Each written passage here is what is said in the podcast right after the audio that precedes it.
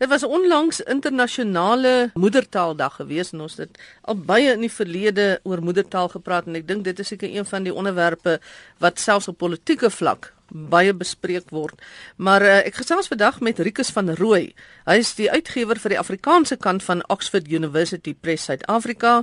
Hy self is gemoeid met moedertaal aspekte en veral wanneer dit ook kom by die skryf van boeke, maar nie net moedertaal in die sin van Afrikaans nie, ook in die ander Afrika tale. Rikus moedertaal onderrig is dit nog altyd 'n debat in Suid-Afrika of het ons nie nou al tot die slotsom gekom dat het, dit is 'n goeie ding en dit behoort so te wees, nou moet ons aanbeweeg nie. Ek dink in ons kulturele en diverse samelewing bly dit maar altyd 'n debat en dit sal seker 'n debat bly en 'n debat is nie noodwendig 'n slegte ding nie. So ek dink dit is goed dat mense daaroor praat en ehm um, deur dit uitkom by antwoorde en positiewe weet gesprekvoering rondom die belangrikheid van moedertaalonderrig omdat dit soveel elemente van van menswees en kulturele diversiteit insluit dink ek die taal is is 'n passievolle ding waar waar mense leef. So dit is 'n baie belangrike debat en ek dink dit is goed dat daaroor gepraat word en inisiatiewe soos hierdie ehm um, dink ek is ook fantasties om daardie gesprekke weer na vore te bring en mense te te laat dink daaroor. Is daar al soliede navorsing gedoen oor die die voordele of sal ek maar sê die taalvoordele van moedertaalonderrig en uh, of is dit maar net 'n emosionele ding wat mense nog sê? Nee, daar is al 'n hele paar studies daaroor gedoen um, en ek dink daar word nog steeds gedoen uh, uh, en wat bevind die voordele van moedertaalonderrig en die impak wat dit het, het op leer van 'n kind sy hele lewe lank en die belangrikheid daarvan. So daar was onlangs 'n uh, studie van ehm um, Dr. Neville Alexander, hy is internasionale kenner en onderwyskundige en direkteur van Prosa van die Universiteit van Kaapstad.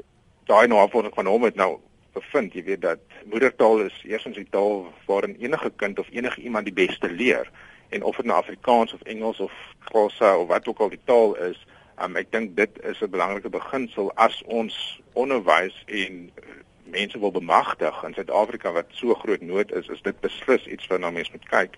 En dan ook verder het hy gevind dat mense identiteit word baie sterk met jou moedertaal verbind. So dit wie jy is is 'n wese in die taal wat jy groot geword het en ek dink ons almal weet dit. Dit is so en jy en dit is wat mense passievol maak en dalk die emosie daaraan koppel dat jy um, moeilik jou kan self losmaak van jou moedertaal af en dis hoekom mense so ernstig daaroor voel en um, so pasvol daaroor praat. So nee, daar is beslis studies daaroor, dit is 'n wetenskaplike navorsing wat gedoen word en dan beslis die impak daarvan en veral in ons diverse samelewing van Suid-Afrika, dink ek is dit die uitdagings daar om sover as moontlik te kom om moedertaalonderrig in 11 amptelike landtale moontlik te maak vir leerders in Suid-Afrika. Nou kom ons praat 'n bietjie oor daai ander tale want 'n mens vind dat wanneer die gesprekke en debatte en aktivisme uh aangaan dan is dit altyd oor Afrikaans uit die ja. Afrikaanse ja. gemeenskappe uit en baie keer ook uit die wit Afrikaanse gemeenskappe. Maar dit geld tog seker vir enige taal van die amptelike landstale, ook die nie amptelike landstale in Suid-Afrika en wat is in daardie uh taalgemeenskappe aan die gang? Is dit ook so 'n sterk gevoel? Absoluut. Ek dink um, in 'n in 'n stedang nou maar af hoeveel publisiteit daaraan gegee word. Um, maar dan moet ek ook sê dat ons by Oxford University Press in uh, Suid-Afrika is een van die min uitgewers wat in 11 amptelike landstale publiseer. So ons maak boeke wat in al die amptelike landstale almal beskikbaar is en in al die vakgebiede gebruik kan word op skoolvlak. Um, en ek dink dit is 'n ongelooflike pluspunt juis om daardie gaping amper te oorkom en leermateriaal daar te sit.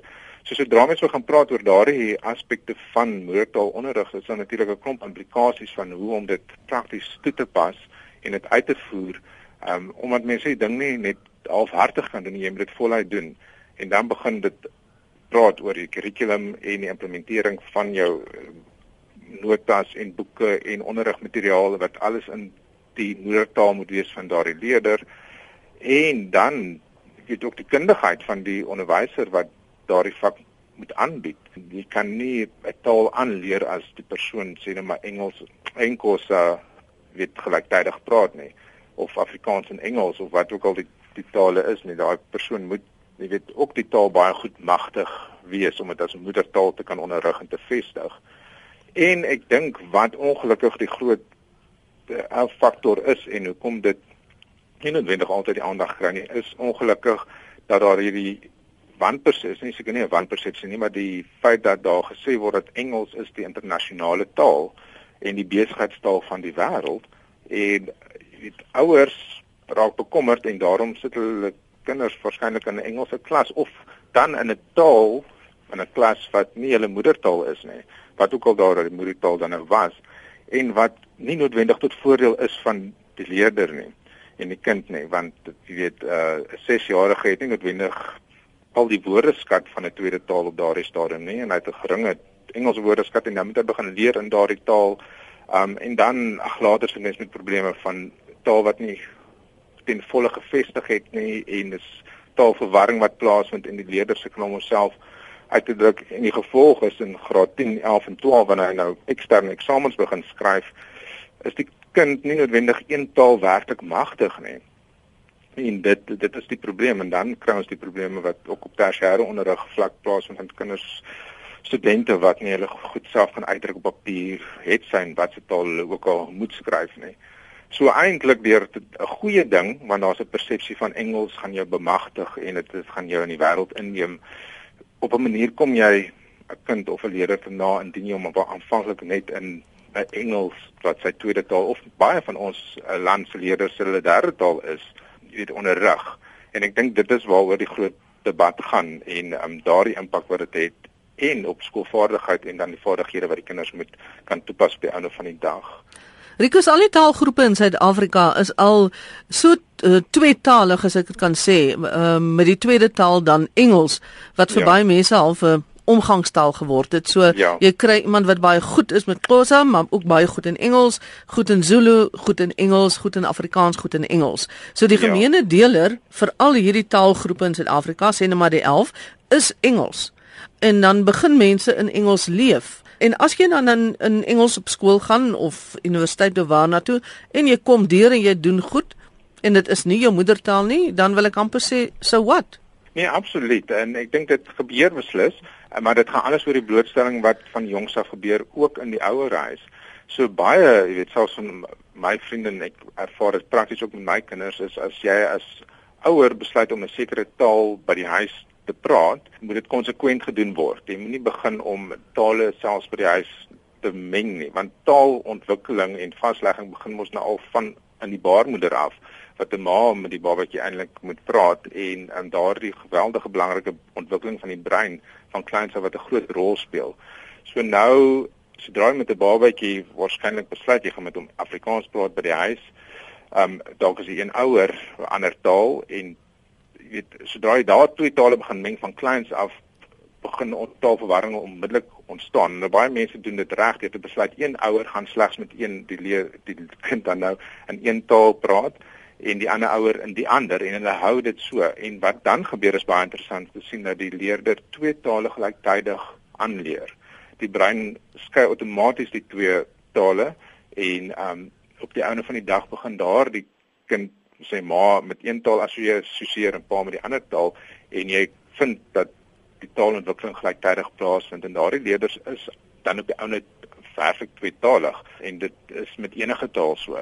So die um, dink ek die impak en die rol wat by die huis ook gespeel word. Nou kry mense baie keer in die geval dat ouers self nie noodwendig getaal werklik magtig is nie en hulle begin daardie taal met die kind praat en dit dra net op die ou en by tot taalverwarring.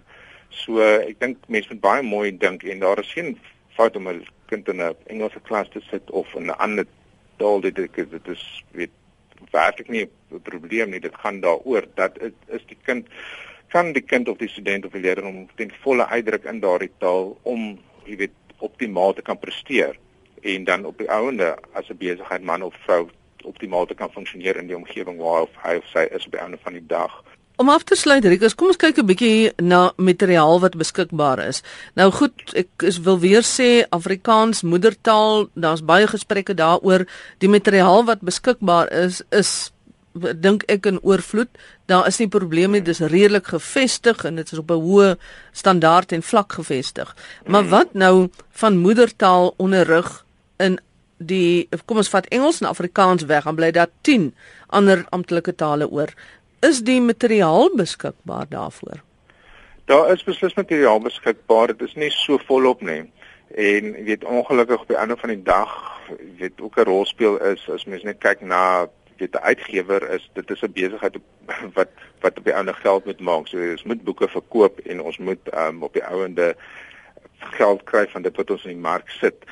So dit gaan ook in hoe mate die mark reageer op die publikasies wat daar buite is. Met ander woorde, indien daardie taalgroepe of ander taliges ook meer hulle boeke begin verkoop en daaroor begin praat of tydskrifte en dit begin lees of die koerante, dan weet groei daai mark en dan gaan uitgewers baie meer genee wees om meer produkte in daardie mark te stoot want hulle sien jy weet die, die publiek, die mark is daar en hulle wil dit graag koop en lees.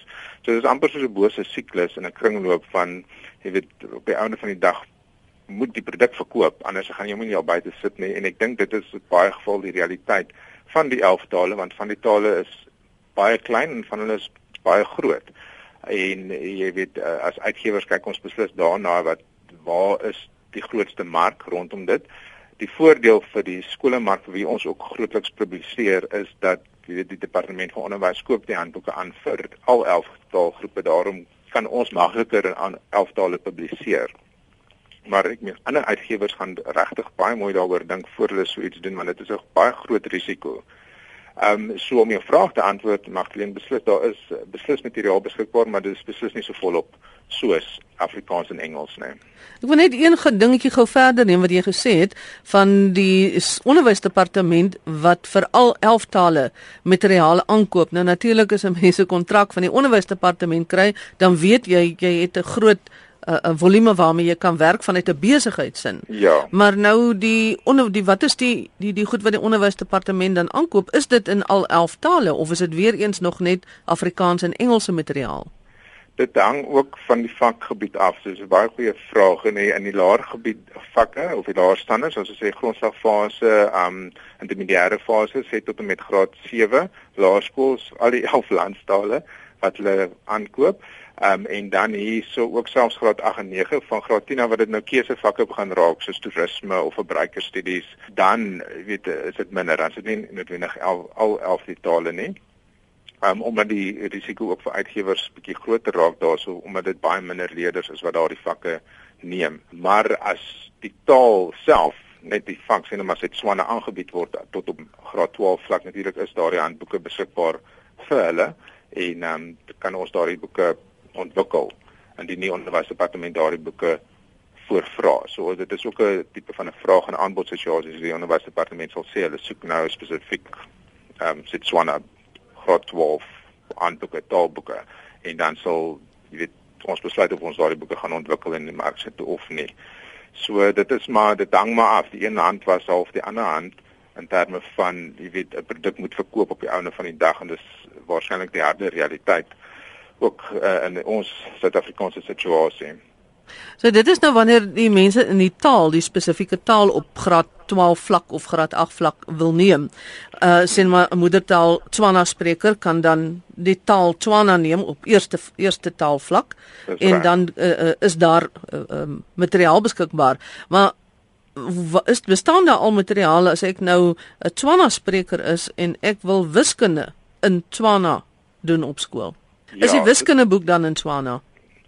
Ja, daar kan die wiskundeboek kan in Tswana gepubliseer word. Daar word kom ons sê ja, as dit die vak uh, hang af hoe groot, ek kan nou nie presies die getalle onthou hoe groot daardie vakgebied is nie, maar ja, daai materiaal tegnies volgens al die wette en dokumente behoort daardie boeke beskikbaar te wees indien 'n leerder daardie vak in Tswana wil neem. Dit is sy reg. Dit moet daar wees. Dan die praktiese implikasie daarvan is ook die skoolrealiteit. So hoeveel leerders in daardie skool wil wiskunde in Swana neem en gaan hulle wil en want hulle dink ook nou weer verder van in die toekoms as hulle universiteit toe gaan en watter taal gaan dit dan aangebied word. So hier kom die so, moedertaal onderrig weer in. Ja, kom hy uh, weer in. So hulle kies dan self om in 'n ander taal as die moedertaal onderrig te word. Absoluut en ook die skool se konteks. So dalk het die skool nie 'n Tswana wiskunde onderwyser beskikbaar nie en al wiskunde onderwyser wat daar is is dalk 'n Engelssprekende persoon so hulle gaan daardie leerders in 'n Engelse klas sit. Jy weet so die kind gaan dalk met 'n Tswana wiskunde handboek sit, maar die onderrig gaan noodwendig in Engels wees. En dit is die realiteit aangesien daar 'n tekort van opvoeders en onderwysers is wat goed gekwalifiseerd is en veral in daardie daardie vakke, jy weet daai skaars vakke waarvan hulle mos maar altyd praat. So dit is die ander realiteit daarvan. En daarom kry mens baie keer dat leerders op hoërskoolvlak dan nou kies om eerder 'n Engelse stroom te volg en ek weet hy berei hom al, al voor vir die vir die tersiêre onderrig. Maar dan moet daai leerders se moedertaal in elk geval gevestig gewees het van 'n klein jong ouderdom af om werklike tweede taal dan nou goed te kan praat en vlot te kan toepas. So dit is dit is 'n belangrike ding van kleins af. Dit is vir my die kruks van die saak hoe baba en die kind gestimuleer word van kleins af vir taalontwikkeling en taalverwerwing deur sy lewe. Baie dankie. Dit was Rikus van Rooi. Hy is die uitgewer vir die Afrikaanse kant van Oxford University Press Suid-Afrika. Ons het gepraat oor moedertaalonderrig en ek is maar baie bly dat ek toe ek skool gegaan het in my moedertaal kon onderrig kry want die Engels onderwyser het altyd vir ons gesê take out your Lenwitz books. En daarmee groet Magdalene Creer tot 'n volgende keer.